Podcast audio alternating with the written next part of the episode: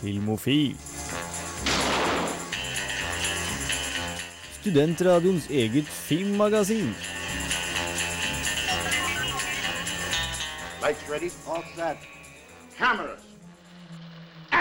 God aften, god aften, god aften. Det er Filmofil på Radio Revolt. Velkommen så mye til oss. Her er det svært god stemning. Vi skal prate om David Fincher i studio. Så har jeg med meg Hans. Halla. Jeg har med meg Jan Markus. God kveld. Og fra Bokbaren, vår helt ikke helt egen, men vår helt egen Kristoffer Ervik. Helt nesten egen. Helt Eh, nesten hallo. egen. Hallo.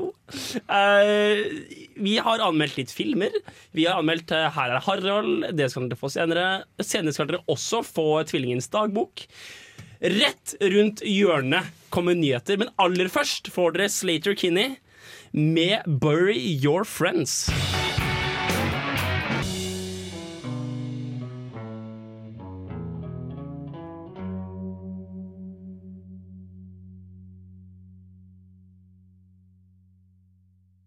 Velkommen tilbake. Det er nyheter. Filmofil gir deg nyhender fra filmen og fjernsynets i spanende vær.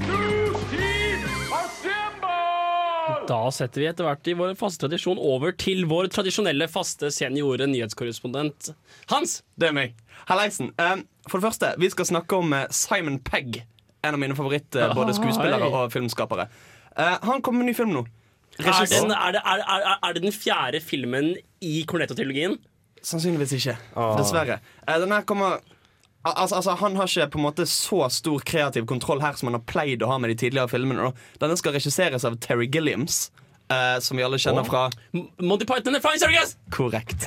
Eh, han skal regissere all driten, og John Cleese og Michael Palin skal være med. Oi, det er en Flying Circus-ting! Det er, ja, semi, semi, semi. Fordi de er jo ute og De er jo ute på turné nå. De skal jo holde et live eh, Flying Circus, Det var jeg ikke klar over. tror jeg. Jeg Ja, så, de- de jeg så et intervju med John Cleese hvor han pratet om det. De la jo, hang jo, eller lagde en sånn kjempestor sånn død papegøyestatue midt i London og sånn. For å liksom feire et sånn semi This parrot is dead! semi-quasi-comebacket, da. This is an ex-parrot! Ja, i hvert fall, beklager. Okay, eh, det, det som er litt artig med denne filmen også, er at dette er en av de siste rollene Robin Williams hadde noensinne. Han er stemmen til en, til en hund i denne filmen. Altså hunden da til Simon Pegg Og mye kan tyde på at et av klimaksene i filmen kommer til å bli at Simon Pegg må velge mellom denne hunden eller sin kvinne.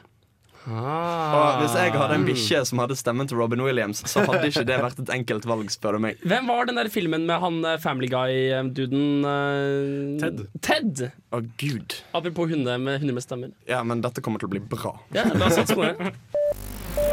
Eh, det, skal lage, det skal komme en ny TV-serie som er basert på en av mine favorittfilmer, som heter 12 Monkeys. Ah. Ja. Som vi alle kjenner. Ja. Bruce, ikke Bruce Wayne, men uh... Bruce Willis. Bruce Willis.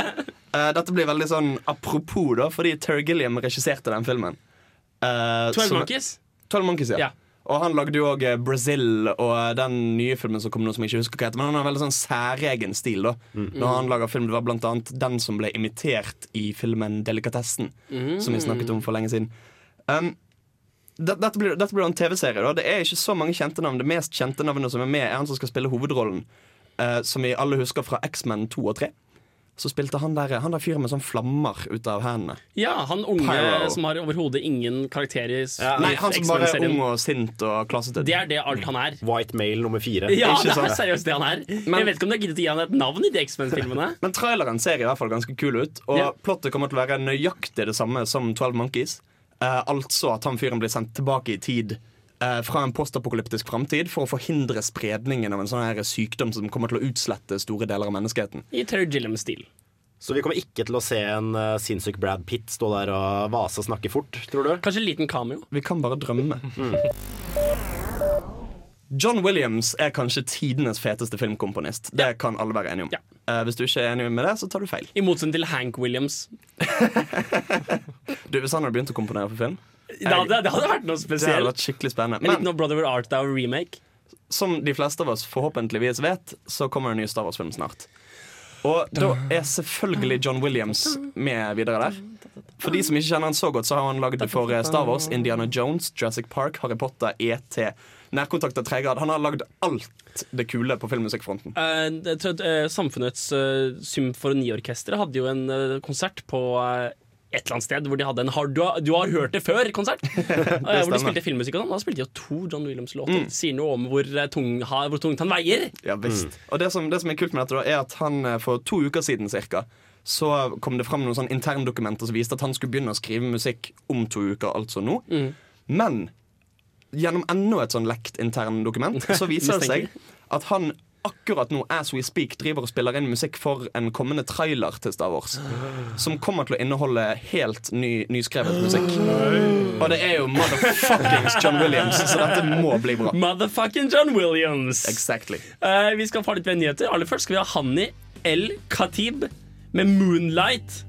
Her på, på Radio Revolt, på Filmofil. Håper du har satt deg godt til rette eller funnet deg noen gode gåsko. Går tur.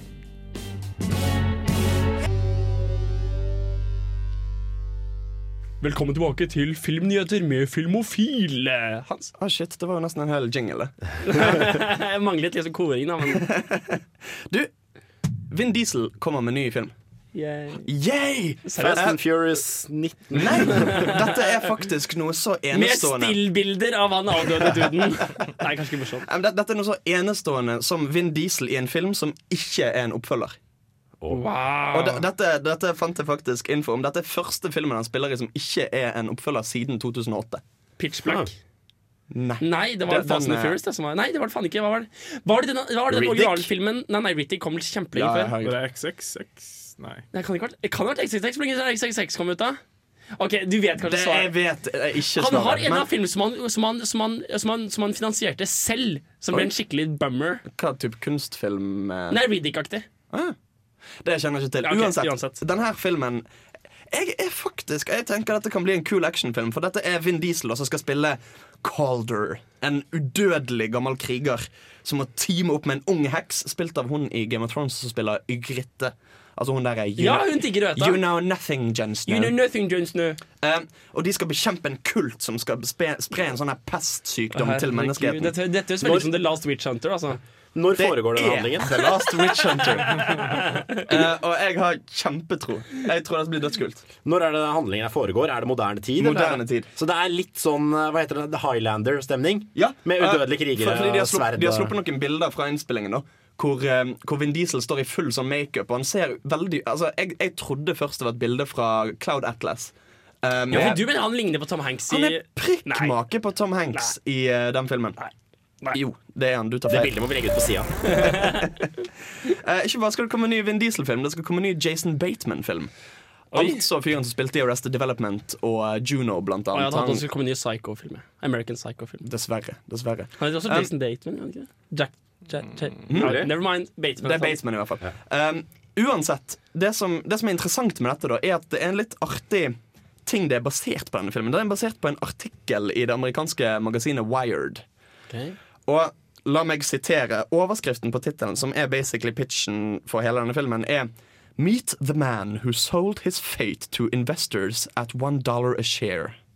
Altså, det er en fyr som gjorde seg sjøl til et aksjeselskap. Og, og solgte aksjer i seg sjøl. Beholdt han 50 da, eller var Nei, nei, han beholdt masse. Han hadde 100 000 aksjer, Oi. og han solgte nesten 1000 av dem. Men, men, men det, det han gjorde, da, var at han eh, han, han gjorde sånn at sine aksjer var sånn aksjer som på en måte ikke talte. Altså Det var kun de solgte aksjene som hadde noe å si for avgjørelser i livet hans. Så det gjorde at aksjeholderne tok avgjørelser for han. Ah. Og, og for eksempel, han, skulle, han hadde lyst til å flytte sammen med damen.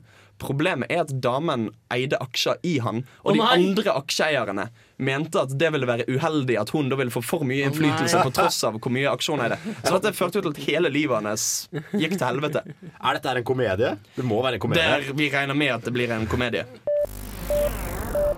Og ikke bare skal det komme en ny Jason Bateman-film, ikke bare skal det komme en ny Vin Diesel-film, men det kommer en ny Keanu Reeves-film. Um, den der John Wick som kom for ikke så for lenge siden, har jo fått kjempegod mottakelse.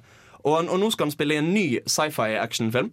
Uh, den skal hete Replicas, som handler om at um, Keanu Reeves er en sånn her hjerneforsker slash neurokirurg slash et eller annet. Og så dør familien hans i bilukke, og han gjør hva som helst for å få dem tilbake. Ja. Og jeg har kjempetroen fordi fordi, fordi det, det, det virker så kult, og jeg har så troen på at uh, Keanu Reeves kan vende tilbake og bli dødskul. Jeg må si to ting. For det første, nyhetssegmentet vårt Ja. Bør omdøpes til Hans Ystadnes er en optimistisk mann-segmentet. det andre er at Matrix kom ut i 1999, og det har tatt 15 år. før han faktisk ble en sci-fi-hovedperson. Herregud. Dette her høres jo litt ut som en sånn moderne tolkning av Frankenstein, med avdød kjærlighet, og det skal gjenopplives, koste hva det koste vil. Interessant. Eh, den første Keanu Reeves-filmen, eller den nylige, den, uh, hva heter den? da? John Wick. John Wick. Har dere sett traileren til den? Nei, den ser så tøff ut! Den ser helt forbanna ubrukelig ut. Det kommer, det kommer to sånne forbrytere og dreper hunden hennes. så de tar hunden hans, og så er det en jakt etter Ja. Er så What?! Er- Det høres jo ut som en parodi. They killed my dog, and now must, they must pay. Nei, men alt tyder på at Everyone den must filmen er die. dødskul. Um, det som derimot legger en liten dempning på min, mine forventninger her Er dette Kenny Reeves? Nei, um, produsenten heter Lorenzo di Bonaventura. Kjenner vi han fra noe sted? Han kjenner vi fra noe sted. Gjør vi det? Han har, lagd, han har produsert G.I. Joe Å, faen. og Transformers-filmene. Å, herregud. Så Jeg trodde det var Michael Bay som produserte og regisserte de filmene. Nei, følger, mine kilder. Så Jesus. Lorenzo Og di Jack Ryan, Shadow Recruit, liksom. Yeah! Det er en, eh, det er et CV du hadde likt å være på, vet du. Vet du hva, Jeg tviholder på min optimisme. Jeg har troen. Ja, ok. MTV skal lage en ny serie. De har bestilt et manuskript som høres litt sånn OK, de skal lage en film på dette. Um, den skal handle om en 25 år gammel dame som jobber i en Froyo-sjappe. Altså frozen yoghurt-sjappe. D- Froyo er kult. Det, det er. Ikke bare godt, men også sunt. Tingen er at Livet hennes har ingen framtid. Hun er i en dead end job. Ingen liksom uh, forfremmelsesutsikter eller noe som helst. Plutselig finner hun ut at hun har telekinetiske krefter. Dette skal bli, dette skal, dette skal bli en sånn her eh, halvtimes sitcom på MTV. Og den, den, vet du hva? Dette virker lovende på grunn av Nei, er du optimistisk? ikke, Ja, det! jeg er optimistisk, men hør på dette. hør på dette Det skal skrives av Colleen- McGuinness, som skrev og produserte 6. og 7. sesong av 30 Rock. Jeg er egentlig ikke så glad i 30 Rock, men det har Du er optimistisk uansett. Jeg er optimistisk uansett, Men det skal produseres av Matt Damon og Ben Affleck. OK. What? ok Sant? Greit. Mm. Sant? hvorfor begynte du ikke med det? Dette er en TV-serie som skal produseres av Ben Jo, for, Affleck. for jeg hadde, fordi jeg er så giret, og da har jeg lyst til å få vekk dritet først. Ja, det var veldig Og så skal jeg avslutte Ja, nei, var- med liksom veldig bra, veldig Men haha. Eh, jeg har uh, funnet en låt. Um, oh, ja. Torgeir Valdemar sin 'Streets'. Uh, Jeg, jeg, jeg, får ikke no, jeg får ikke nok av den låta her. Um, ja, ord og tanker og sånn. Poenget er at det er en, det er en 30 sekunder lang intro, så det er liksom ikke så mye å, jeg må liksom ha så mye å si. Etterpå kommer Kristoffer Ervik sin anmeldelse av, eh, av Herre Harald. Er- Blir ikke, blir ikke det kult? Det blir faen Det blir dritfett her på, på Radio Revolt på Filmofil. Det er fortsatt syv sekunder igjen av introen. Men det er så fine låter her. og herregud, sånn Neil Young-aktig med tostemt og sånn. Åh, Ja, litt.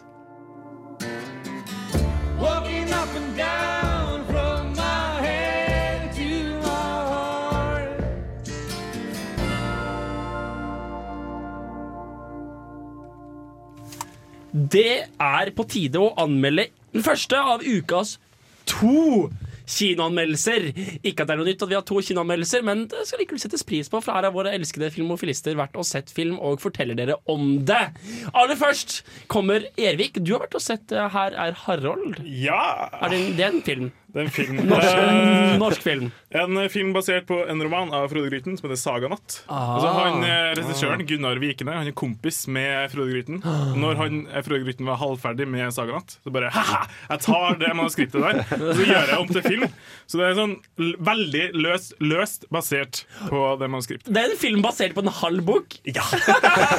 Dritfett. dritfett. Men det funker veldig bra. Det er en veldig sånn amerikansk film. Føler jeg, sånn Veldig Cohen-brødre-universet. føler jeg Men, men vil det si, altså dette er sånn tilfelle av at på en måte, for eksempel, denne og Saganat begynner på samme måte, men slutter forskjellig siden de på en måte Siden slutt, stykket ikke var ferdig før han tok over på filmen. Det også er forskjellige prioriteringer. For at I starten så er det en sånn slags kjærlighetsforhold mellom Harold og hans demente kone. Mm. Som han er en veldig fin linje der han sier til en femåring Jeg brukte å ta på føflekken hennes når jeg var klar for å ha sex.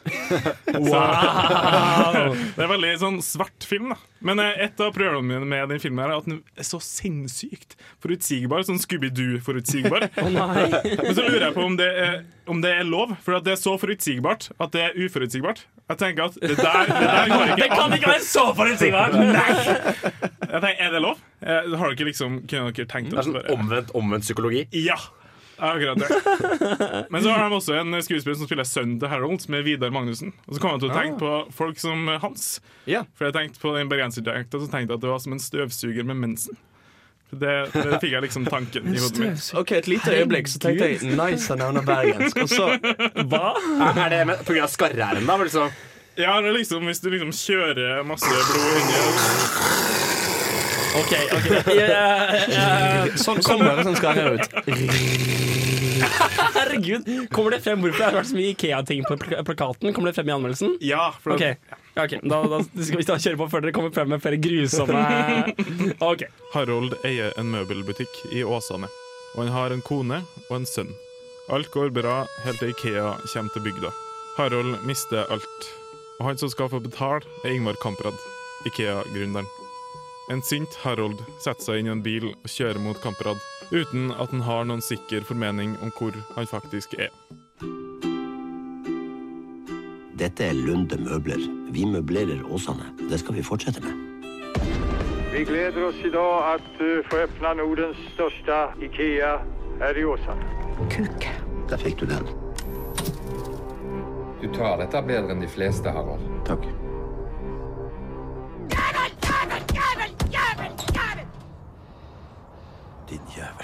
Filmen varer i snaue to timer, så hvis det hadde vært slik at Harold fant Kamprad med en gang, hadde det vært en veldig kort film. Her er Harold består av flere sidehistorier. Til tider kan han virke unødvendig og kjedelig, men det er noen som skiller seg ut. I en del av filmen kjører Harold seg bort i en skog i Sverige. Når han våkner opp, sitter en ung jente og spør om han er død. Jenta heter Ebba og blir en del av komplottet mot Kamprad. Och vad ska du göra med honom? Ja, vad ska du göra med mig? Hold kjeften din igjen. Du har ikke noe med det her å gjøre. Det är jag som är kidnappad. Det är han som är kidnappad. Ja. Bjørn Sundquist passer godt i rollen som en lavmælt, men hevngjerrig møbelhandler. I delene der Harold går rundt og er sur nordlending, er det vanskelig å ikke se for seg at Sundquist spiller seg sjøl. Det er flere ganger både karakteren og skuespilleren må gå ut av komfortsonen. Og der håper jeg det ikke bare er meg som må trekke på smilebåndet. Men ger ni upp nu så får ni minsta möjliga straff. Du er mannen som har gitt meg kroniske magesmerter. Du kom inn i rektum på meg, du dreit ut møblene mine, pissa på stålampen og blåste meg ut som en fyrstikkflamme. Ikke snakk til meg om straff. Regissør Gunnar Vikene har adaptert romanen til Frode Grytten, som heter Saganatt, til en søt og svart komedie. Filmen kan ses på som et kjærlighetsbarn mellom Erlend Loe og Cohen-brødrene. Den kan være forutsigbar og monoton til tider, men her er Harold inneholder noen helt særegne scener som holder filmen opp. Jeg er litt uh, hungrig. Köttbullar.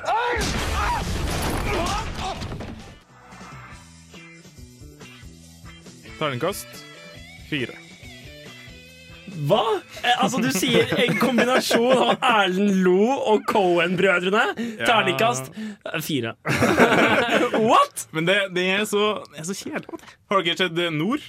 Det er også laga av Erlend Lo. Det handler om at han skal finne barnet sitt. Ja, men han sex der med- Anders Båsmo Han der. Men den er jo kjempe Den, det, er- det er en samme film. Han liksom går og han søker, og han er ute på veien, og, sånn, og, det, og så skjer det noen sidehistorier. Og det er litt det her òg, men det går litt sånn paff. Det er ikke så morsomt. Men det er noen scener som er så knall, som er liksom Den drar den opp, da. Det ville vært en treer hvis det ikke hadde vært for de scenene der. ja, okay. Hvis det kun hadde vært de scenene. Uh, ja, men da hadde ikke mening i det hele Veldig merkelig kortfilm. To Veldig timer. merkelig kortfilm Basert på en halv bok, og så bare tre veldig morsomme scener, og så er det over. Ja vel, så det, det, det, var, det, var, det var kult plott og kule ideer og kule øyeblikk, men filmen holder ikke. Ja, det er ganske kjedelig. Sånn, det skjer ikke så veldig. Men Bjørn Sundquist er jo magisk. Så han bærer filmen, da. Ja, jeg tror ikke jeg har sett den i noen komedie før, men jeg syns han er veldig flink på det her. Jeg har et veldig lite interessant fun fact om uh, Bjørn Sundquist. Er Og du sikker på at det er et fun fact? Nei, det, er- er- det, er- det, er- Sa du Bjørn Sundquist og deg? Ja, fordi han bor på Nesodden, og jeg har jobba på Posten før. Alle, alle, alle kjenner hverandre på, på Nesodden. Ja, ja, ja. Og han, eh, han har jeg levert ut pakker til, og han er en strålende hyggelig type. altså Man skulle tro at han var sånn bitter fyr som liksom slår deg med en eh, flaske, tom flaske vodka over kjeven hvis du bruker litt for lang tid Hva. Faen gjør du her?! Skal du komme med pa, pa, pakke, pakke, skal du pakke, pakke deg, Bjørn Sundquist. Faen er det du vil her?! Hva er det her for noe? Så du hørte det først her på Filmofil. Bjørn Sundquist er en hyggelig mann. Ja, men apropos Bjørn Sund- Sundquist i komediefilmer. Han var turgåer Død snø 1. Ah. Bare for å ha det nevnt. Eller hva Altså. med En ganske snill mann med Stellan Skarsgård? Ja! Eller, eller bare med Arve i- Arve i. Tomme tønner? Tomme tønner er faktisk en, komi, en, en, en, en komedie. Det er ikke det den der som var basert Nei, nå blander jeg. Nei, det er, det er ikke den der med de der folkene fra det der reality-programmet. Mm, jeg tror ikke det. Nei, det er Kalde føtter, heter det. Never, mind. Jeg tror jeg er sikker på at Du kan ta en norsk film fra de siste 20 årene, kaste en kron eller mynt, og det er omtrent den sannsynligheten for Bjørn Sundquist er med i filmen. Men han er mestvinnende Amanda-prisvinner. Ja, men altså, det er faen ikke rart. da. Jeg liker Bjørn Sundquist. Jeg, jeg, jeg kommer til å se en film bare fordi Bjørn, Bjørn Sundquist er med, egentlig. Men Vil du si han passer i rollen i filmen, eller blir det litt sånn altså, jeg føler, jeg føler av og til så blir det litt sånn påtatt når skulle til å si hermetegn seriøse skuespillere. Folk som alltid spiller liksom én type, blir castet i filmer som ikke er helt Altså, nei, det, det funket jo bra her hvis han til tider spilte seg selv. Jo, men han, i de scenene da, som er så veldig bra, så er det så veldig usundkvist. Å, ja. Jeg, kan, jeg føler at jeg ikke kan nevne de scenene. For at Nei, sant, det er så Det er det eneste bra med filmen. Så de beste scenene der Bjørn Sundquist ikke er Bjørn Sundquist. Ja. Eller han får ikke lov. Det er liksom Ja, ok. normalen. Så hvis du liker Bjørn Sundquist, så er dette den firerfilmen du skal se i år. Ja. Vil du, vil du komme Fordi vi er, vi er litt sånn halvveis på vei ut med terningkast her på Filmfil. Så det vi har istedenfor å begynne med, er at vi har begynt med en sånn herre Denne filmen kan du se med et godt glass rødvin og en god bok. Ja, ja Er det lov å ta med rødvin på kinosalen? Ja, ja. Hæ? Så lenge det ikke blir sett? Nei, nei, nei! nei, nei, nei, nei, Det er samme sånn, hvis du tar livet av folk. Nei, nei, nei, ok, dette er en filmofil fact okay. fra alle våre lyttere. Du kan ikke ha med deg varm mat. Du kan ha med deg alt annet enn det. What? Antakeligvis ikke ulovlige midler. Men, men du kan ha med deg alkohol? kan, alkohol. ja, ja, jeg har tatt med meg en pils. jeg. Har tatt med meg jeg er ikke det samme som du har lov til. Jo, jeg spurte, jeg spurte, jeg spurte. jeg spurte Virkelig? Sånn helt annen, en annen som satt ved siden av. Er det greit hvis jeg drikker øl? Du, er, er du glad for Amerika, eller? Ja, ja, vær, vær så god. Kult. Jeg, har vært litt sånn gått på kino typ sånn, typ, Etter jeg har tatt et par piller, så vært litt sånn OK, ok, nå må jeg passe på at ingen Hva er det du gjør? Jeg, jeg, Jeg googler. Okay, da googler vi det her over låta som kommer nå, nemlig uh, The Bots med Blinded. Uh, det er Radio Revolt fortsatt. Det er Filmofil fortsatt. Og om det er podkast eller Stream on demand, så håper jeg du liker det du hører.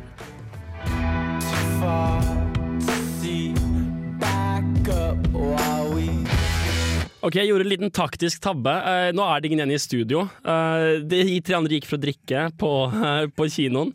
Eh, fact nummer to. Hvis du søker på medbrakt Trondheim kino, så kommer, kommer det opp Trondheim fengsel. Jeg vet ikke Jeg vet ikke om det er et tegn, men, men, men, eh, men eh, jeg står fast ved at det er lov å ta med seg medbrakt på Trondheim kino. Vi kan jo oppfordre våre lyttere til å prøve. Og hvis- de får problemer, så sender de brev til oss, og så kan vi opplyse videre om at vi tok feil. Og, og du må ikke sende brev heller. Vi har for eksempel en Facebook-side. Det har vi. Uh, takk til, uh, takk til uh, Hans. Eh, Filmofil Radio Station er på, fel på Facebook. Hvis du ikke har liket oss nå, så ville jeg liket oss nå. Jeg ser for meg sånn i kommentarfeltet nå om en uke så er det en 14-åring. Hei, jeg tok med nå, sitter jeg på fyllearresten, hva gjør jeg nå, Filmofil, vær så snill, redd meg. Så ta fram en liten vending. Det, eh, når du sier det sånn, så skal det sies at vi her i Filmofil uh, uh, anbefaler ansvarlig alkoholkonsum. Og med det sagt, eh, så kan vi ikke gå over til eh, Hans, eh, Ja. paradoksalt nok. Og eh, eh, du har sett en film på, på kino. Jeg har sett på film på kino. Eh, på mandag så var Du husker så ikke noe av den, riktignok, men eh, Eller vent, var det tirsdag? Nei, det var mandag. Det var mandag. Um, jeg var så Tvillingenes dagbok. Eh, og det var litt sånn tilfelle av at jeg bare Jeg, jeg satt oppe på Dragvoll, og så fant jeg ut Hei, jeg har fri. Hva faen, det var, det var en film som gikk på kino. Jeg går og ser den. hvilken film, var, hvilken, hvilken, hvilken, hvilken film var det? Jeg mener, Er det en norsk film? Det er ikke en norsk film, det er en ungarsk film. Takk barmhjertige Gud. Det blir for mye med to norske Det blir kinoanmeldelser. altfor mye. Ja.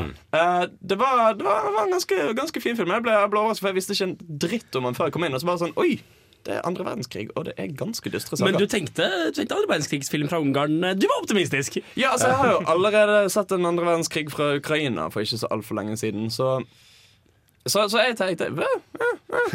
Det kan ikke bli verre enn Ukraina. Jeg satt og lagde den lyden sammenhengende i to timer. Hmm. Ja. Hvorfor ikke? Uh, har, du lyst til å, har du lyst til å si noe mer før anmeldelsen kommer?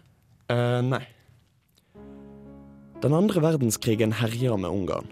To tvillingbrødre i 13-årsalderen blir sendt for å bo hos en ufattelig kjipe bestemor, og må lære seg å tilpasse seg for å overleve både hun, lokale, tyskere, russere og den østeuropeiske vinteren. Dette gjør de gjennom å utøve vold mot hverandre for å bygge opp en smertetoleranse, brenne alle brev fra sin mor for å knuse sin sentimentalitet, faste i fire dager for å vise at de kan tåle sult, og drepe først små og etter hvert store dyr for å fjerne sin egen empati. Filmen prøver hardt å skape et grovt, men nyansert bilde av et okkupert Ungarn i andre verdenskrig, og hvordan krigen påvirket de sivile som var langt unna krigens frontlinjer. Dette får han til. Sånn noenlunde. Háború van. Mi egy család vagyunk akkor is, ha most elválunk. Mindenről tudni akarok. Mindenről. I begynnelsen av filmen får vi se tvillingbrødrene hjemme hos familien før de blir sendt vekk. De kommer fra gode kår, og når de skal reise, så får de beskjed fra faren om at de må notere alt som skjer med de i en dagbok. Denne utgjør fortellerstemmen i filmen, hvor guttene iskaldt forteller om tingene de går gjennom.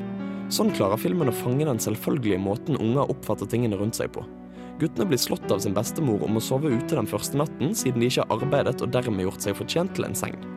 Heller enn å stille spørsmål om dette, så finner de seg i det, og ikke bare begynner de å arbeide, men for å frata bestemoren makt, så begynner de å fornærme og piske hverandre for å bygge opp en høyere smerteterskel. Dette er basis for alle guttenes handlinger i hele filmen, og de møter alle sine problemstillinger med en knusende besluttsomhet. Sajnos kénytelenek vagyunk elvégezni bizonyos munkákat nagyanyának. Különben megver bennünket és kizár éjszakára. Gjennom filmen så blir guttene kjent med flere andre mennesker. Annet nabojenten, presten i byen, prestens assistent, en jødisk skomaker og en nazioffiser som bor i huset ved siden av. Få av disse menneskene er hva de i utgangspunktet utgir seg for å være, og av og til så overrasker det. Dessverre så venner en seg fort til nettopp dette, og det føles etter hvert forutsigbart at de som virker snille, egentlig er stygge, og vice versa. Presteassistenten virker i utgangspunktet som en omsorgsfull morserstatning, men viser seg å være en pedofil nazisympatisør. Skomakeren framstår først som en gjerrig gammel gubbe, men ender opp med å gi guttene hvert sitt forede par støvler gratis. Nazioffiseren virker til å begynne med som vel, en nazioffiser, liksom, men redder guttene fra mishandlende politifolk. Du skjønner tegningen. Zugafatja. Ez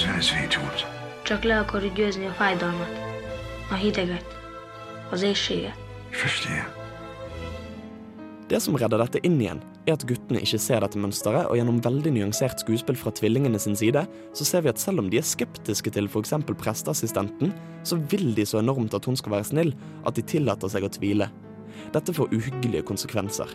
De mister raskt all form for uskyld, og begynner etter hvert å utøve sin egen form for rettferdighet. Når presteassistenten angir skomakeren til nazistene, som ender opp med at han blir drept, tar de raskt en ekstrem hevn. Dette òg helt uten å reflektere over sine handlinger, og med største selvfølgelighet. Háborúban az emberek megölik egymást. A városban az emberek gyengék, könnyen meghalnak. De mi erősek vagyunk, edzettek. Dessverre så er det mye som virker meningsløst, og som bare skjer. Vi får aldri noen forklaring på hvorfor guttene blir sendt for å bo hos bestemoren, og guttenes overgang fra uskyldige barn til følelsesløse hevnere er kjempebrå og skyndes fram på en måte som føles unaturlig. For ikke å snakke om slutten, som kommer helt ut av ingenting. Mye i filmen virker generelt uorganisk, og han forteller heller ikke noe nytt. Jo da, krig er kjipt. Jo da, det er mye mer nyansert enn good guys mot bad guys, men dette har vi sett utallige ganger før, og hvis du har sett f.eks. Gå og se, så sier ikke denne filmen deg noe du ikke visste fra før. Hvis du derimot ikke har sett den, og ikke lyst på arr i sjelen, så er Tvillingenes dagbok et godt alternativ. Han fungerer på sitt vis, og forteller om krigens grusomhet gjennom øynene til to barn. Selv om det kunne ha vært bedre utført, så framstiller han alt på en nyansert måte, og han er vel verdt et kinobesøk. Denne filmen krever kinolyd. Bare ikke forvent deg noen feel good-film. Ja, Jan Markus? Det, er det litt som regissøren her har prøvd liksom å finne ut Hvor jævlig kan vi ha det? Det, sånn, eh, det høres ut som det er den absolutte elendigheten. Det er omtrent hakket før de begynner å skjære av seg fingre for moro skyld. Ja, Ja, al- alt går fryktelig dårlig i denne filmen. Uh, unntatt fordi de, de to guttene de, de klarer seg ganske lenge og er ganske ressurssterke. Men for omtrent alle andre så går alt rakt til helvete. Hvilken film var det du sa uh, man har, kunne se istedenfor? Ja, jeg innså jo det på reaksjonen her at det er kanskje ikke alle som har sett den. Uh, Gå og se, heter den. Det var den ukrainske krigsfilmen jeg så vidt nevnte i sted. Det er en film fra 1982, og det er kanskje den drøyeste, kjipeste filmen jeg har sett i mitt liv. Altså, jeg har fortsatt Jeg har, jeg har fortsatt arr etter den filmen. Oi. Hva var, hva var den het? Gå og se. På engelsk heter han Come and See, og på russisk heter han Idi i småtri. Så gå og se, gå og se. Gå og se, gå og se. Uh, Ikke gå og se, gå og se. Ja, det kommer an på. Hvis du Altså, det, det, det er en sånn film som tar fra deg Altså, Hvis du er en sånn person som på en måte Tar fra deg skyldigheten? ja, hvis, du- hvis, du hold, hvis, du litt, hvis du holder litt på barren i deg Hvis du er en sånn Nei, vet du hva, vet du hva jeg kan gå på kino og se How to Train Hvis du liker og- Tommy og tiggeren, liksom. så, så, så vil jeg ikke den, her kommer til å fjerde, den her kommer til å gjøre deg til Bjørn Sundquist. Da vil jeg hvis du ikke, da ser vil jeg ikke gå til å sette gå og se. Dette er for de emosjonelle sadomasochistene. Hvis du allerede ikke har en sjel, så kan du gå og se. Gå og se. Da har du ingenting å tape. Og hvis du, hvis du gikk og så Gå og se og syntes den var skikkelig verdt å gå og se på, så ville jeg faktisk vurdert å gå og se eh, denne her filmen som du har sett, Tvillingens, eh, Tvillingenes dagbok. Ja. Men, men, men, men en av de tingene Fordi jeg opplevde jeg opplevde egentlig ikke Tvillingens dagbok som så mørk og dyster, nettopp fordi at I kontrast! I kontrast fordi at, fordi at Gåse er så enormt drøy og er så grov og kjip og usannsynlig nedslående. At i sammenligning så blir denne mye koseligere. Men for all del, alt går dårlig. Det er mange som dør, og det er krig, det er krig, det er krig. Og det, så, som jeg sa, det er ikke en feel good-film overhodet. Det er jo andre anmeldelsen på rad der du har en klassisk musikk eh, sammenhengende i bakgrunnen gjennom Det praten. stemmer. Eh, Det var fordi filmen er veldig sånn på en måte Har den en vakker brutalitet ved seg? Overhodet ikke. Det Nei, okay. Brutal brutalitet ved seg. Men eh, du sa at dette er en fremstilling av hvordan på en måte den fremstiller det, det enkle barnesyn. Ja. Og filmen er på mange måter enkel, selv om den også sier at det er ikke noe rene bad guys og rene good guys. Ja, altså, altså det, som, det som er litt tilfellet, er at altså, det er Annet enn at det er på en måte et samfunn i krise, så er det ikke så veldig krig-krig i han. på en måte Altså Vi vet at krigen foregår, men vi, vi får ikke liksom se front, det er, det er, i det er bare en landsby i forfall, på en måte. Det er nettopp det. Det er en landsby under krigen, men ikke på en måte i krigen, sånn sett. Det er du sier jo at eh, de tar hevn på en skikkelig brutal måte. Og kommer det liksom som en litt sånn overraskelse? Den brutaliteten, Nei, liksom. altså de De viser det, men det Altså, De viser på en måte build-upen til at de skal ta hevn. Jeg skal ikke gå inn i detaljer på nøyaktig hvordan de gjør det, men det som kanskje mest overrasker, er at disse to tvillingguttene De gjør det så, så selvfølgelig. De er litt sånn Hun var kjip mot kompisen vår. Uten overhodet å måtte diskutere på forhånd eller vurdere. Altså, de har ikke noe, de har ikke noe sort-hvitt, de har ikke noe gråhet i seg selv. Overhodet ikke. Og det De bare- re reflekterer filmen. Ja, kanskje det. Kan det være bevisst? Det kan hende. Og det er folk som har sett på denne filmen at, typ, de to guttene er på en måte en metafor for hvordan Ungarn eh, var under andre verdenskrig. At alle var kjipe mot dem fra alle kanter, men de klarte å overleve til slutt gjennom å ofre ting og gjennom å være brutale. Ja. Så dette er som en historiefilm for litt voksne historikere, da. I grunn. Ja. Nei, vi skal ha Oi! Vi skal ha Cold War Kids Oho. med Hot Coals tilfeldig. Ja. Eh, Snart skal vi begynne med David Fincher. Først er det Cold War Kids med Hot Coals på Radio Revolt med Filmofil.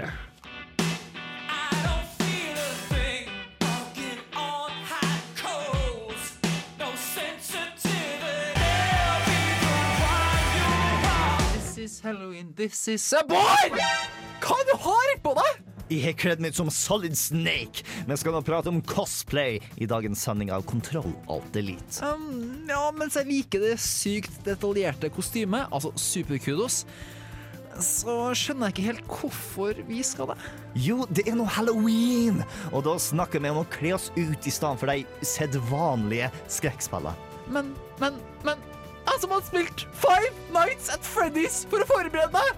Aleine! I mørket! Ja, ja, ja, ja, drit i det! Vi får besøk med en haug av jenter som cosplayer som bare rakkeren! Dette blir bra. Finner Kontroll Alt Delete på iTunes og dusken.no som vanlig? Selvfølgelig.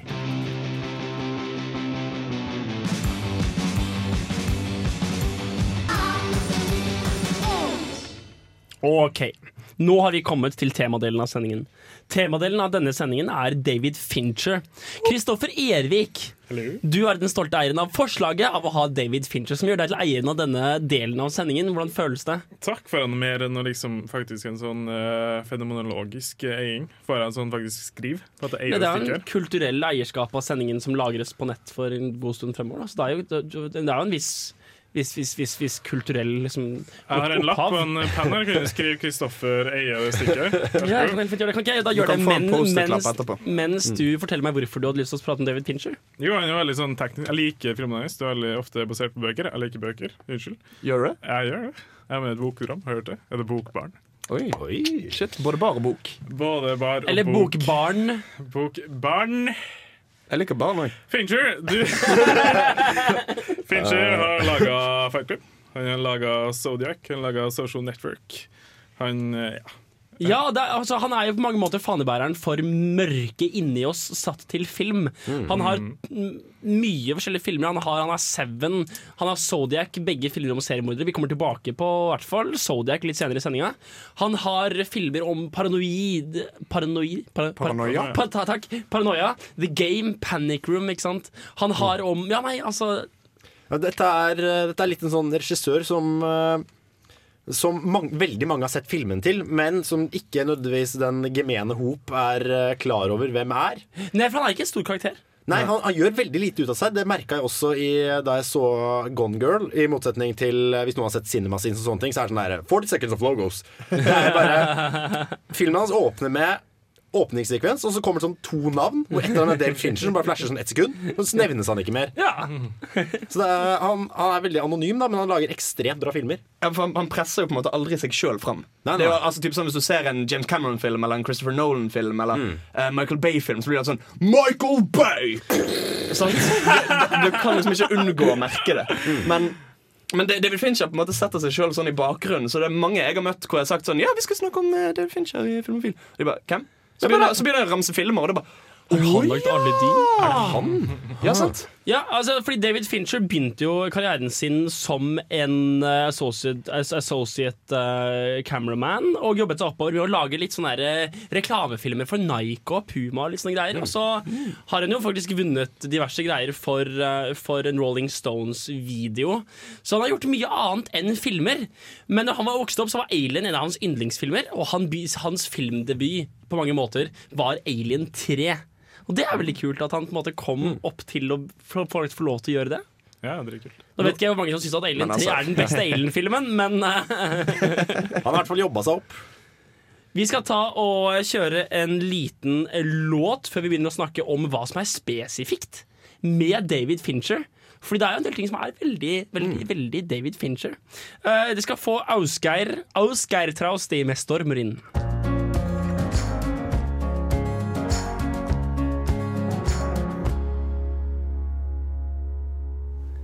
Velkommen tilbake til Filmofil, David Fincher spesialsending. Eller i hvert fall spesialbit av, av, av sending. Um, så, OK, greit. La oss ta en runde. Hva er spesifikt med David Fincher? Jan? Uh, David Fincher har jo sagt i et intervju at han mener at alle folk er pervor. Ja. og, En smart mann! Meget klok mann! Nei, men han har et eller annet poeng, fordi du ser mye i de filmene hans at det er De bringer, for- de, de, de bringer frem det perverse i, i mennesket. Ja, for eksempel da typisk Seven, hvor du har da disse syv dødssyndene som er representert av uh, forskjellige mord. Og Mhm. de er, de er groteske. Altså. Der er det Mhm. sånn Jeg kjenner folk som liksom sier at de så den filmen. Når de tenker på den, så får de den der, de knyter seg i magen. Det er sånn, å nei, å, det, så, det var den filmen, ja. Ja, men Det er helt sant, det er veldig godt poeng. Fincher bringer frem eh, det mørke i oss, ondskapen i oss. Mm. Han har også et eget eh, filter i hver egen film. Uh, Girl with Dragon Tattoo har en eget filter, sånn gråaktig. Altså et fargefilter? Ja. Mm. alle fargene hans har en forskjellig grunnfarge, liksom? Ja, men du har sett Fargeklubb? Ja. Det, hvis du legger merke til, så er det sånn eh, oransjeaktig, rødaktig filter. Mhm. Hvis du legger merke til. Så så det litt sånn kult. brunt. Det Ja, for det jeg har sett, jeg har sett sånn der, eh, at folk har laget en, en, en stripe med hver piksel loddrett i denne tykke stripen er i en frame fra filmen. Og hele stripen vil da gjerne ha en farge som på en måte reflekterer filmens farge. Og da kan du se veldig tydelig disse filterne David Fincher bruker. Ja, kult. Og du kan bare se det også veldig i Nolans film. Også kan du se veldig tydelige farge som kommer igjen i filmen. Uh, ja, nei, nei, det var bare det, det jeg skulle spørre om, om. Om det var hver film, eller om han har et filter som han bruker. Hver film er sånn ident... Eller Mm, har et film eget har en filter. egen Ja. Ja, for det er jo, Du har jo The Social Network, som er sånn typisk oransje-gulaktig. Og så har du The Girl with Dragon 2, som er sånn stålgrå-blå. Og ja, Når du sier det, så er det sånn aha. Jeg skjønner ikke hva som er greia med regissører å være så sinnssykt nevrotisk. Som med Wes Anderson. Det er liksom det symmetriske med Ja, altså, dette er jo kameramenn. Ikke sant? Dette er folk som drev med som er, Dette er jo basically altså, fotografer som som liksom bare har sånn Ja! Der! Ja! Jeg skal gi deg nevrotisk. jeg. Du har åpningen til Seven, så ser du den der eh, John Doe som sitter og skriver disse bøkene. Og eh, når de kommer inn, eh, bryter seg inn i leiligheten hans og ser dette rommet, så er det hylle til hylle, vegg til vegg fylt med bøker. Og disse bøkene er fylt med håndskrevne sider. Litt typ sånn eh, The Shining, eh, The Shining hvor du har eh, Stanley Kubrick som fikk sekretæren sin til å skrive det der, eh, Ja, ja. Sitte og skrive i to måneder Ja, på skrivemaskin. Og de sidene de ble skrevet, og egentlig så hadde de tenkt til at introen skulle være annerledes i Seven.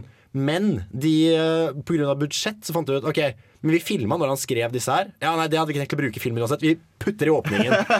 Og det, er, det funker jo dritbra. For Ja, ja. Du gir et innblikk av hva slags skrudd person denne fyren Denne massemorderen egentlig er. Altså Det David. Fincher, hva for en skrudd person han er. Ja, han òg. Ja, men altså, det er interessant, fordi han er jo Du ser intervjuet med han, og du ser på en måte filmintervjuet med han, og han er liksom den vanligste personen ever. Han er så vanlig, skikkelig sosial, hyggelig og avslappet, og ser deg rett inn i øynene, og så hører han hva du sier, og så tenker han litt, så gir han deg et godt svar. Han er, han er liksom den vanligste store regissøren jeg vet om. Ok, greit. Så um, hva er spesifikt for, for David Fincher? Han har jeg kan komme med han har, noe, han har liksom overnaturlig kameraføring. Kameraet gjør alltid litt sånn overnaturlige ting som beveger seg gjennom et nøkkelhull, og, eller, eller kommer perfekt inn i en bil, eller Han har liksom, han har liksom ikke, han har nesten ikke noe håndholdt filming. Det er nesten ikke noe camera shake. Det er nesten ikke noe imperfeksjoner ved filmingen hans. Hver kamerashot er på en dolly eller smooth eller stillestående. Og det er jo så ekstremt bevisst. Det han gjør Ja, med kamera akkurat, for når han da først har kamerashake, så er det for å få frem noe mer. Ikke Ja, det, det føles aldri tilfeldig. Nei. Det føles aldri som Nå bare satt vi et kamera her, og så, for vi må filme denne scenen. Det er alltid en tanke bak hvor kameravinkelen kommer fra, hvor lenge shotsene varer, og alt mulig. Akkurat Han har typisk ganske lave shots. Han har typisk shots oppover ikke sant? mot karakteren som, eh, som filmes. Det er to uh, forskjellige ekstremer, hvis jeg kunne gå litt mot meg. Det er to ekstremiteter. Det ene er Spielberg-effekten, der det liksom går liksom inn i handlinga i personer at de har det forferdelig, som en social network. Det går fra å være greit, og så er de «Ah, jeg hater deg, og du hater meg. Og det andre er Kubrick-måten. For dem som har sett Clockwork Orange, der de liksom to, fire unge gutter som sparker driten ut av en fyllik, Ja. som man har i Fight Club. Som liksom, Han viser mye sånn brutalt, da, men at det skal liksom ikke inspirere til at du skal gjøre det samme. Selv om faktisk folk eh, gjorde det med denne filmen. Ja. Vi skal ta og høre Kendrick Lamar med I. Og etterpå så skal vi snakke om Zodiac.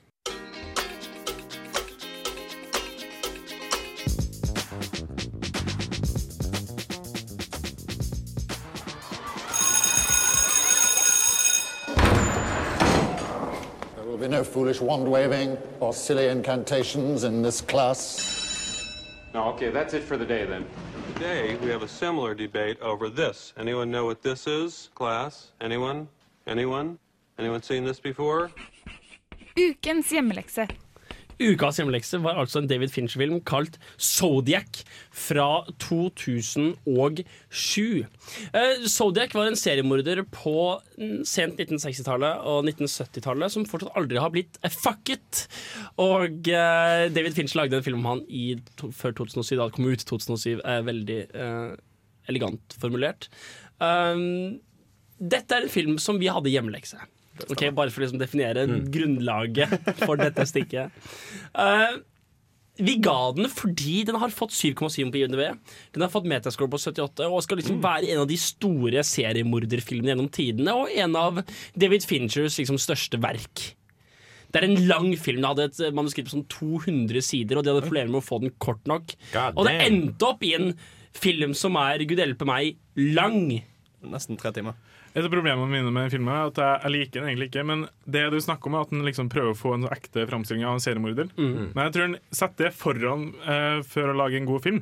For den, den spenningskurven Det liksom bygges opp, bygges opp, og så bare Nei! Det skjer aldri noe. Nei! Det fuckings skjer aldri noe. Du ser noen mord her og der, og det var egentlig jævlig freaky, akkurat de uh, mordene der. Ja, det Men- var, det var- det var en scene med en kniv som var helt sånn wow, fuck Ja, meg. det, hva, hva, viser de dette, liksom? Ja, ja. Ja, ja, ja. Men det er ikke en spenningsfilm. Det Nei, er det jeg vil altså, si. Det er 157 minutter med Jake Gyllenhaal som bare daffer rundt.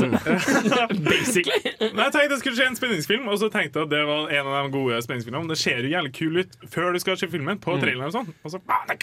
Altså, altså, ok, la oss, la oss liksom kategorisere det her. Eh, eh, Jake Gyllenhaal spiller bra. Mark Ruffalo spiller bra. Robert Downey jr. Jeg det spiller seg sjøl.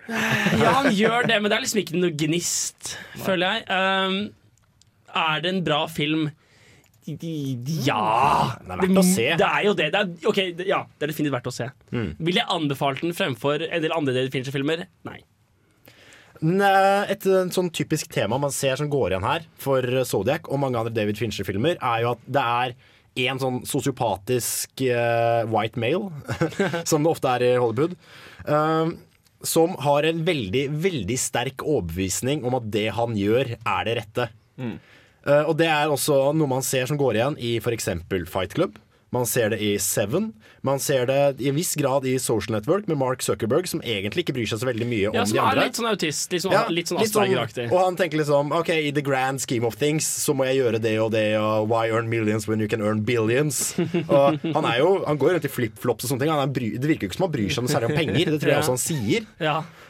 Sammenligner du nå um, Mark Zuckerberg med han Buffalo Bill-karakteren som er Samme fyren. Ja. Nei, men det er ikke, det er ikke Seven. Det er ikke Seven. Nei, det er eh, Nattsvermeren. Ah, gud. Han, han, John eh, Doe. Spacey. Ja, Kevin Spacey. Er, er de samme fyren, liksom? Ja, ja, nei. Men du har jo dette temaet her med at du kjenner en Zodiac-killer som er liksom, han har fått oppdrag fra Gud, mener han selv, og fyren er åpenbart forstyrra til ville Ja, altså, vi vet jo egentlig ikke om det er tilfellet, eller om det er bare noe han skriver i brevene sine for å skape litt stemning.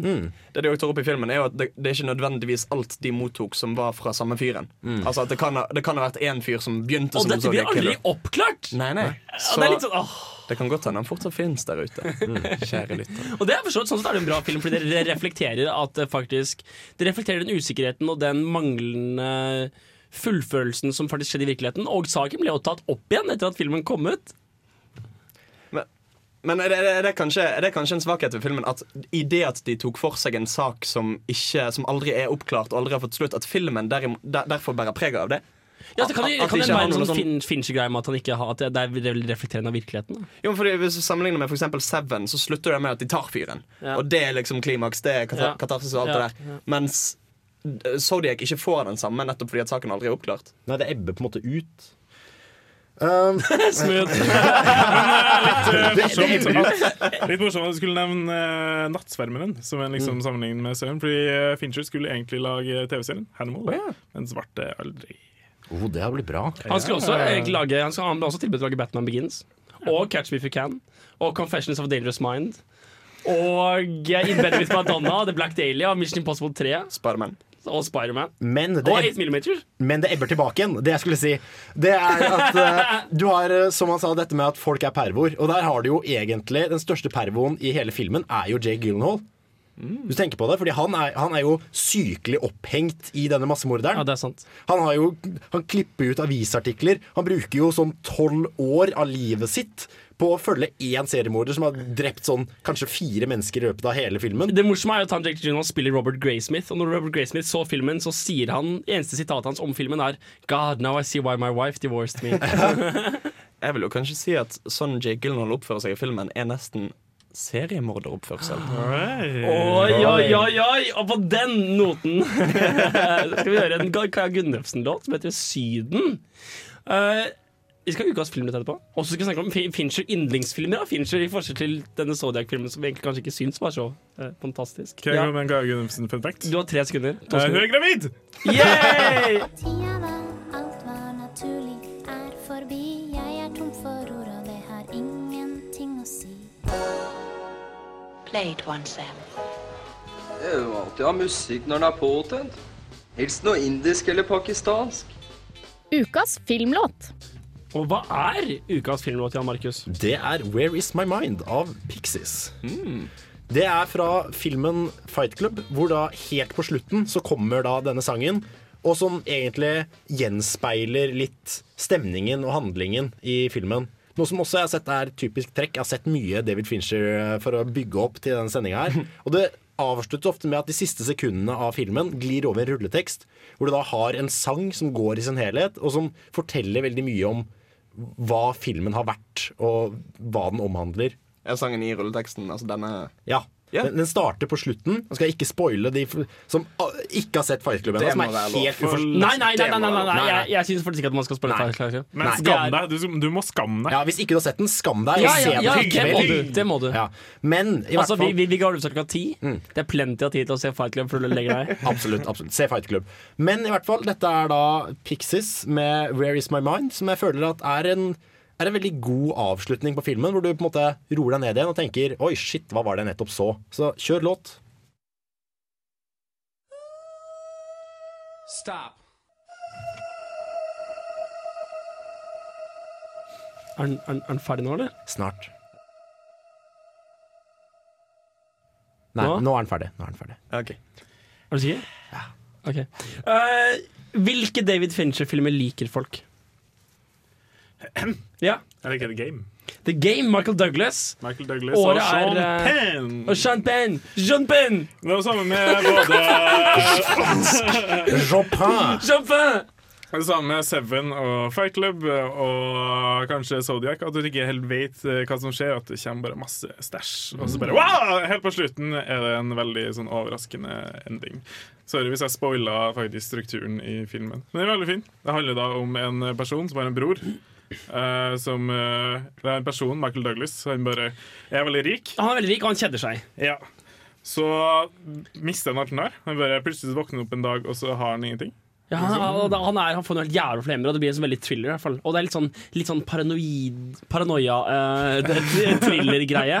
Jeg vet ikke helt, kanskje Jeg så han på TV3 da jeg var sånn 13 år gammel. Men jeg synes det var jævlig bra da Svart evaluering av eh, Altså, Det er en av de bedre Michael Douglas-filmene jeg har, har sett, helt uten tvil. Eh, The Game fra 2007 heter overraskende nok uh, Spillet på, på, på norsk. Hvorfor? de? Nei, altså, jeg vet ikke. Uh, min film er The Social Network. Og ja, greit. Uh, uh, jeg liker han Jesse Eisenberg. Absolutt. Uh, ja, greit. David Fincher laget den, det er kjempebra. Men min grunn for å like den filmen er selvfølgelig Aaron Sorkin. Selvfølgelig min, min, min evigvarende og intenst stolte hard-on for Aaron Sorkin kommer til å eh, flagge stolt dette programmet helt til jeg fra- forlater. Ja. For de navneblinde og uinnvidde. Aaron Sorkin Takk som spør. Er mannen som har eh, Han, han har skrevet eh, The Newsroom. Han har skrevet eh, Charlie Wilson's War. eh, Moneyball. Eh, han har laget en serie som heter Charles Turo 16 og Sunset Strip. Han har skrevet The West Wing, eller Presidenten, som heter på norsk. eh, som jeg driver og ser gjennom nå for niende gang. Jeg driver og ser gjennom Sports Night også. Han har laget det amerikanske Ok, det er greit. Eh, det, er, kanskje ikke en Aaron Sorkin-program der. Litt i likhet med David Fincher, en fyr alle har et forhold til, men de vet det bare ikke selv. Ja, antageligvis. antageligvis. Mm. så The Social Network handler jo om Mark, Mark Zuckerberg, og det er en veldig kul film. Og, og, og David Fincher sin øh, veldig stramme og eh, hans veldig, måte, Det er ikke noe fett på, film, på filminga hans. Det er liksom bare det er perfekt, og det er skarpt, og det er nøyaktig, og det er helt riktig. Og han etterlater liksom litt plass til at, til at Mark Zuckerberg kan liksom jogge i sokkelesten over Harvard campus. Um, det passer så godt til Aaron Sorkins sin skriving, og den filmen er bare så bra. Der er det jo mange folk som er Det er mye sånn pratescener og sånne ting. Ja, og jeg har hørt at uh, Fun fact om den filmen er at ettersom uh, han godeste David Fincher også er en slik en perfeksjonist, så har han kjørt noen av de scenene hvor folk krangler og er liksom egentlig veldig irritert på hverandre. Ja. Har han kjørt sånn 50-60 ganger, hvor folk begynner å bli så slitne og grumpy og lei. De sitter der bare Fuck, den forbanna regissøren her som tvinges til å gjøre dette. Og det, det kommer på en måte ut på lerretet. At De sitter der og har gjort dette her De er- er frustrert, Ja, de faktisk frustrert. 58 ganger har sagt den samme replikken, liksom. Da blir det litt sånn der, det ligger litt bak og ulmer. Og sånn, nå Hvilken film eh, har du lyst til å se, Hans Ystadnes? Vel, jeg har sett uh, Fight Club. var det, var det å si? Hvilken film er det du liker best av David Fincher? Det ble, må nok bli Fight Club. Må, må bli Fight Club, Det ja. var liksom Det var den filmen Jeg så den først da jeg var sånn 12-13 og tenkte wow! Dette er så tøft, og det er så twist, og det er liksom Alt er kult med den. Og, og det er på en måte en film jeg har klart å se seinere og fortsatt like, selv om jeg ikke liker den av de samme grunnene som når jeg var kid. og sånn for, for, for når jeg var kid, så var det liksom Fy faen, fy faen. Tyler. Tyler. Han, Brad Pitt er så kul! Ja, sant? Han, han har skjønt det, han har forstått livet. Etter hvert så har jeg skjønt at det er kanskje litt mer satirisk ment, men, men det er på en måte en film jeg både elsker ut ifra det at jeg syns han funker både som når jeg var 13 og tenkte Ja, vet du hva, vet du hva? fuck de der kredittkortselskapene! De skal knuse! uh, og når jeg ble eldre og, og ser satiren i det og syns han klarer å forstå det, uh, det han satirerer på en veldig bra måte. Jeg vet ikke om satirerer er et ord. Nå er det. Um, nå er It det is now. Coined now. Men Coined it. på en måte, det, det er litt sånn jeg, jeg, jeg føler på en måte jeg liker den filmen til tross for at jeg ikke syns han egentlig er god satire. For dette, dette har vært diskutert mye på nettet, og et av problemene med Fight Club er at han han, han skaper en satire av denne bro-kulturen og av sånne al alfamale-folk. Men problemet er at det, det, det er veldig få som skjønner det.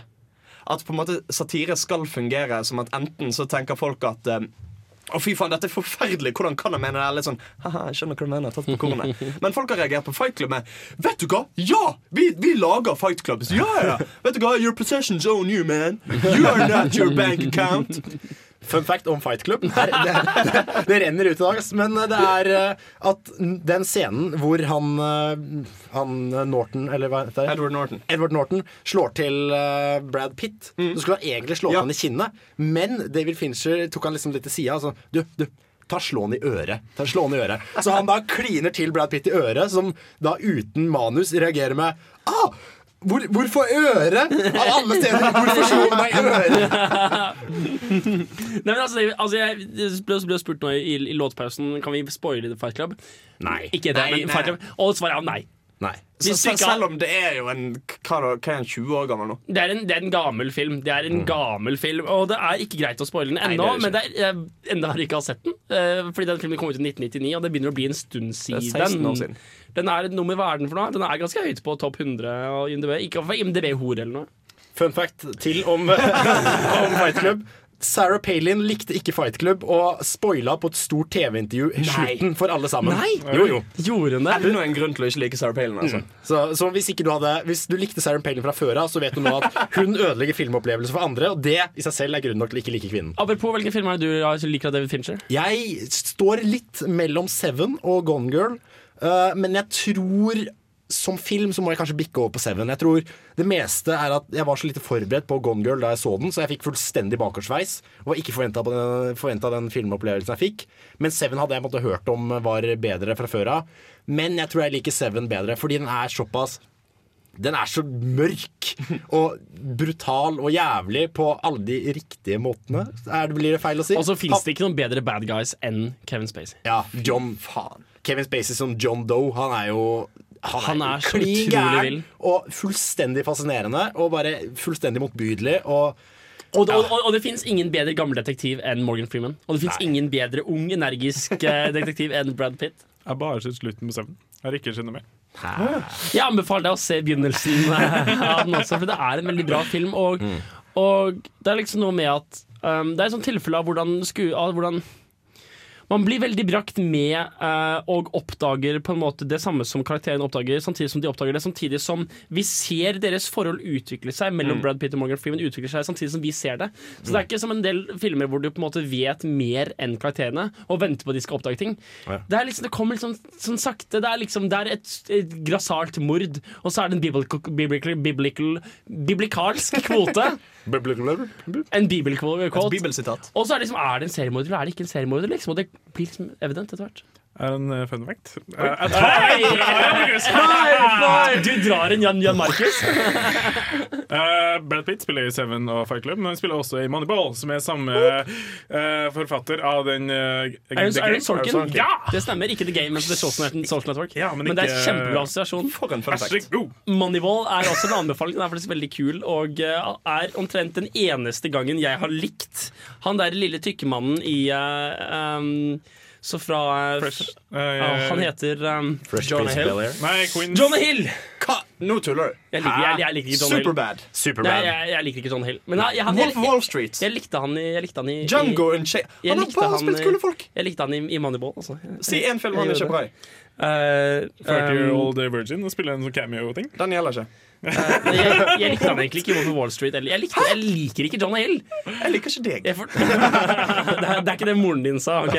Uh, vi skal ha Stephen Marley-låt nå, 'Keeper of the Flame', featuring Nina Simone og Wycliffe Shaun. Og så peker moren til uh, han som hører på.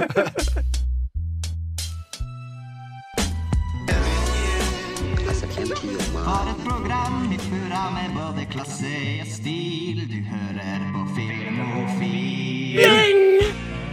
Hei! Hei!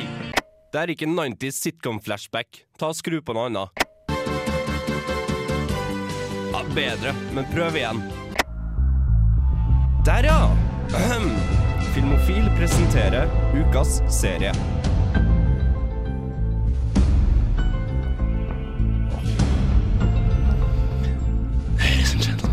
Den introen. Den introen! For en intro. Det er, det er liksom ikke noe sånn actionfylt sang, men du bare Du sitter der og bare God damn.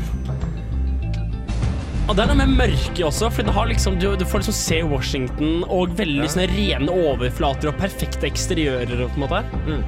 Det er jo egentlig Det er jo bare en intro som viser Washington. Det skjer jo nesten Det skjer, jo Det skjer. Det er noen biler som kjører rundt og sånn. Det er bare Washington. Men den stemninga, ass. Den setter seg ærlig i stemninga. Og igjen vil jeg si at det passer litt til David Fincher-temaet vårt, fordi låten er så perfekt, og introen er så perfekt. Og, og den er liksom filmet med veldig sånn glidende kameraføring og veldig sånn perfekte overflater, og innsjøene er liksom perfekte refleksjoner og Stille vann har dypt tjern, eller annet sånt. Ja. Noe, noe sånt. OK, greit. Hvorfor har vi House of Cards som ukas serie? Det er fordi David Fincher er executive producer i House of Cards, alle 26 episodene. Og han har også regissert De to første. Ja. Eh, det er en av grunnene til at David Fincher ble lokket til denne serien, er fordi Netflix sa OK, vi kjøper rettighetene til denne serien. Og grunnen til at de fikk, også, fikk serien og klarte å utby konkurrentene, det er fordi de sa greit, vet du hva, vi tar to sesonger med en gang. Bom!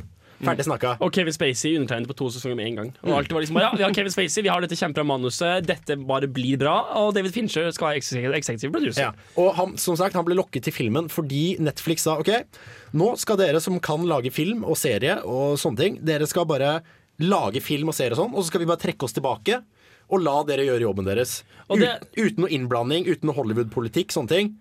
Og resultatet ble Netflix' første Emmy-serie. Ja, for det er liksom greia For House of Cards sammen med Orange is the New Black eh, satte jo på en måte i gang Netflix sin satsing som en seriøs eh, serieprodusent. Ja, Var det ikke de som også lagde Lillyhammer? Kan det, var det det? Nei, det, det- NRK det var i samarbeid med Men de lagde jo, eh, de lagde jo sesong fire av Arrested Development. OK.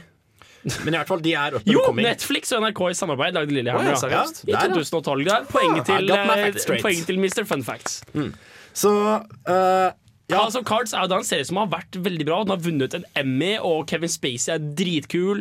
Og den gjør masse morsomme ting. Den breaker den for the fourth wall Mm. kontinuerlig, ettersom Kevin Spacey prater til oss. Måtte du si det på engelsk? Hva er det norske alternativet? Breaker the fourth wall. Hva er alternativet, da? Den, Brøt den fjerde veggen! den, den fjerde muren. Den fjerde muren brøt uh, seerens illusjon med å tro at dette er en virtuell virkelighet. Som I dag på Filmofil. I dag på Filmofil skal vi søke om det wall.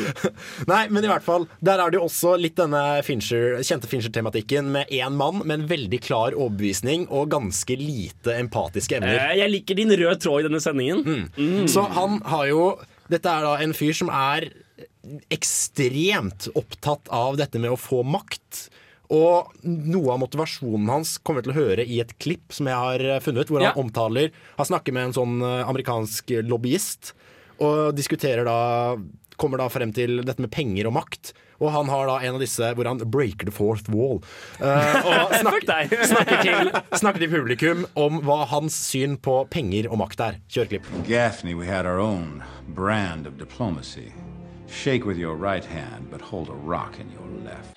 Og det er veldig klassisk eh, hva på en måte Kevin Spacey spiller denne rollen her, for han spiller liksom en sørstats eh, Ja, det, nå var dette det andre klippet som egentlig skulle komme først. Men vet du hva, bare kjør, eh, kjør det neste klippet også, så tar vi det på sparket. You've made your point. Have I? I hope so. Such a waste of time. He chose money over power. In this town, a mistake nearly everyone makes. Money is the McMansion in Sarasota that starts falling apart after 10 years. Power is the old stone building that stands for centuries. I cannot respect someone who doesn't see the difference. Og dette er da begge tilfeller av at, uh, at Kevin Spacey prater til kamera. Ja, det er, eh, Du kan bare gå på YouTube og søke på Frank Underwood, som rollen hans heter i denne serien. Og du får liksom sånn complication og supercuts med quotes by Frank Underwood sånn 14 minutter. For det er jo veldig mye av denne serien er jo han som prater til kamera og forklarer hans egne motivasjoner og tanker bak dette, det han gjør. Og det er en deilig form for eksposisjon, noe David Fincher ikke er redd for. Nei, Han nei. har mye eksposisjon i filmene sine. Jeg vil faktisk gå så langt som å si nå at han er eksposisjonens mester i å forklare serien hva som det er som skjer. Han har så mange kule måter å gjøre det på. Også tilbake i Fight Club, hvor Tyler Durden fungerer som en sånn ekspos eksposisjonsplottpunkt. For han forklarer ting hele tiden. Men, men jeg synes jo, altså det, det som er digg med det, er at det aldri føles påtatt. Nei, Eller akkurat! sånn- Han har verdens mest naturlige eksposisjon. For ofte- eksposisjon ofte- betyr å forklare ting til serien. Sant? For ofte så blir det jo sånn Noen kommer og så bare sånn Hey, Janet, your sister who was brutally mur murdered, you remember? Og at de må liksom oppsummere alt som har skjedd i But how samtale. does that board fly? Well, it's a hoverboard, so Ikke sant? Og også i eh, Ja, jeg avbryter. Også i Gone Girl, hvor uh, uh, søsteren til eh, Ben Affleck, eller hva han heter i filmen, sier på et eller Antakeligvis ikke Ben Affleck. Nei. Ben Hva? Nei, never mind. Ja, ja. Men da sier hun på et eller annet tidspunkt Yeah, I'm the twin. Så hun går faktisk så langt som å forklare 'jeg er tvillingen'. Så folk liksom bare 'Å ja, det Men det der!» funker fordi karakteren i filmen lurer på det samme. liksom Ja, ja, men det, hun, det som er så deilig, er at hun starter ikke med det. Hun, det er liksom ikke sånn der eh, hvor de møter hverandre og så Hei, twin brother. Well, hey, twin sister. Sånn unødvendig men du får, du får det forklart, men det legges i en setting som kommer noen minutter senere, som føles veldig naturlig. Skal vi ta rast, House of Cards handler altså da om kongressmannen Frank Underwood. Og, hans, og han og hans kone på en måte sitt maktspill. Hvordan de manipulerer folk rundt seg, hvordan de bruker folk rundt seg. Det er en thriller om maktspill i Washington. Er vi enige? Absolutt. Jeg har ikke sett det. Og denne serien er Ukas serie, liksom. Gå, gå gjør leksa di. Denne serien er basert på en original BBC-serie fra 1990. Ja, det stemmer det Som igjen er basert på en bok av Skal vi se, dra fram laptopen min her. Det er eh, basert på bok av Michael Dobbs, som også er politiker og forfatter i Storbritannia. Så det er Det er britisk TV-serie fra 1990. Mm. En av måtene de kom fram til at Fun fact. de skulle lage denne serien, det var at de rett og slett gjorde sånne spørreundersøkelser. Hvilke skuespillere er det folk liker? Hvilke serier er det folk liker? Uh, og liksom hva slags konsept er det de liker? Og så fant de liksom OK, hva er det folk vil ha? Vi gir dem det. Og så, det er jo, Dette er jo en, eh, et format som har blitt litt kritisert i ettertid, hvor folk spør er vi kommet til det tidspunktet hvor folk ikke tør å overraske lenger, og bare spør Mm. hva er det folk vil ha, og så gir vi dem det. Mm. Men dette Det er funker jo. Det, funker, det er jo originalt som bare juling. Det er helt nydelig. Ja, nei, så Hvis noen har lyst til å gå på Netflix og se House of Cards, så anbefaler jeg det. Vi, det, eh, jeg og Jan Markus, eller Marke, fordi hans, hans historie har ikke liksom Jeg anbefaler helt sikkert. Du må få se den, da. Du må se den. Må nesten se okay, den. se. Først får vi Orango med Diggin for Praise på Radio Revolt på Film og Film.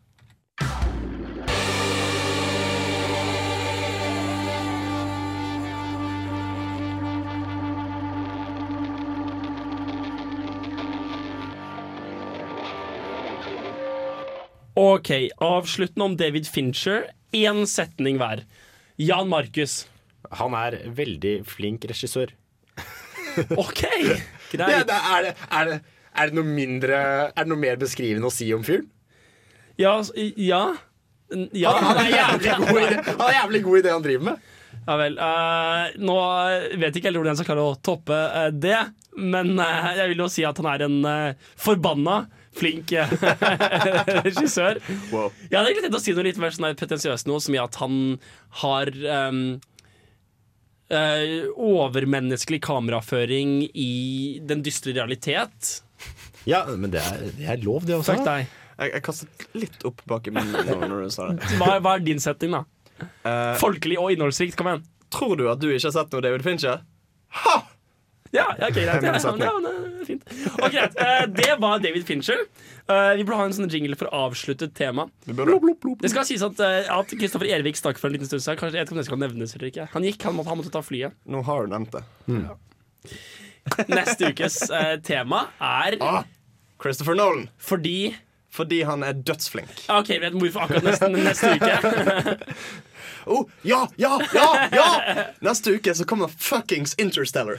Interstellar kommer neste uke. Vet du, hvem som, vet du hvem som skal gå og se det på kino? Jeg! Ikke Jan Markus. Jeg! Du, du kan ikke stoppe meg. Jeg bryter meg inn. Jeg og han sa dibba. Dibset. Nei, på vet du å- vi. eh, Jeg, jeg gnager meg kommer, veggen med tenna. nå, kom militærutdannelsen. Og Kanskje vi skal kjøre en sånn trippel anmeldelse av, av Interstellar? Ja, men det, det, gjør vi. det gjør vi.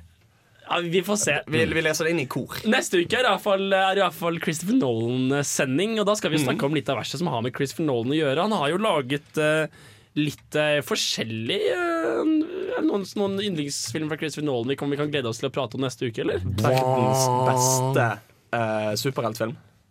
Jeg snakker om The Dark Knight. Ba bare The Dark Knight. Ja. Nei, Nei, to, Nei, beklager, toeren av, av The Dark Knight. Batman Nolan-filmene.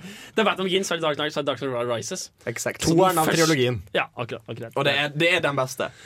Ja, Men det er ikke ukas hjemlekse. Nei, det er det ikke. Fordi ukas hjemlekse er The Prestige. The Prestige er en forbløffende bra Altså Det er en dritbra film med Christian Bale i en sånn typisk method acting-rolle. Han er dritgod, eller kanskje ikke helt veldig typisk method acting, egentlig. Han bare spiller dritbra. Mm. Det er Hugh Jackman i en av Ja. hans absolutt beste filmer. Det er Scarlett Johansson som spiller eh, damen i filmen. Og det er David Bowie som Nicholas Tesla.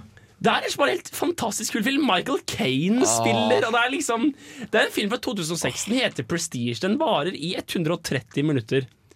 Og det, det som gjør den filmen interessant, som vi skal komme nærmere inn på i neste sending, er jo at den filmen omfatter uh, På en måte oppsummerer hele filmografien til uh, Mr. Nolan. Jeg glemte et lite øyeblikk han het. Men, men, men på en måte den filmen kan ses på som hans filosofi bak filmmaking. Hvis en ser på liksom de overhengende trådene i filmen. Ja, for Den har også litt sånn mørkhet og litt sånn desperasjon og menneskets motivasjon for umoralske handlinger. Og litt avansert plott. Er det lov å si det? Det er lov å si. Fordi det er jo, det er jo Det er Inception plott og i The Dark Night, og det er mye, mye sånn snirkler og snoker og plott og avstikkere. Absolutt. og sånne ting Så det er jo Jeg vil si at det er en det er sånn en representabel og typisk, men veldig veldig god Nolan-film. Og så er det altså Er det en, en scene som jeg forstår ikke helt hva som skjer med Tesla i den filmen der. Nei, Det er nesten noen weirde ting. Jeg må, jeg må faktisk gå og se den igjen. ja. Altså, altså, Kanskje du burde, Det er jo tross alt hjemmelekse. Det er jo tross alt hjemmelekse.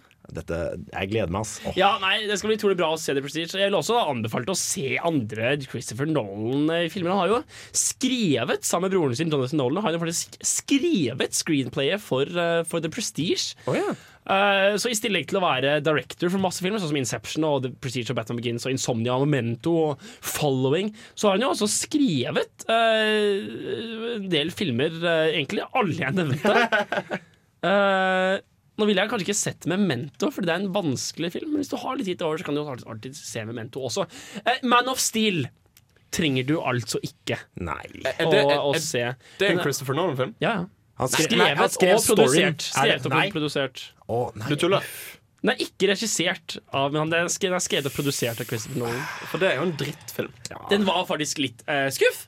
Eh, det var liksom DC de, DC skal liksom klare å skape en seriøs eh, Ja, men det, men det er på en måte eh, DC som bare trodde at det eneste som gjorde The Dark Knight kul, var at han var mørk At det og var- gritty. Å, godt poeng. Men eh, neste uke. Det Neste tar vi uke, neste uke. Ok, greit. Ehm, så The Prestige. Se The Prestige neste uke. Ok, greit. Eh, Denne sendingen trekker mot slutt. Jeg har 48 sekunder til å komme oss ut av, eh, ut av eh, programmet.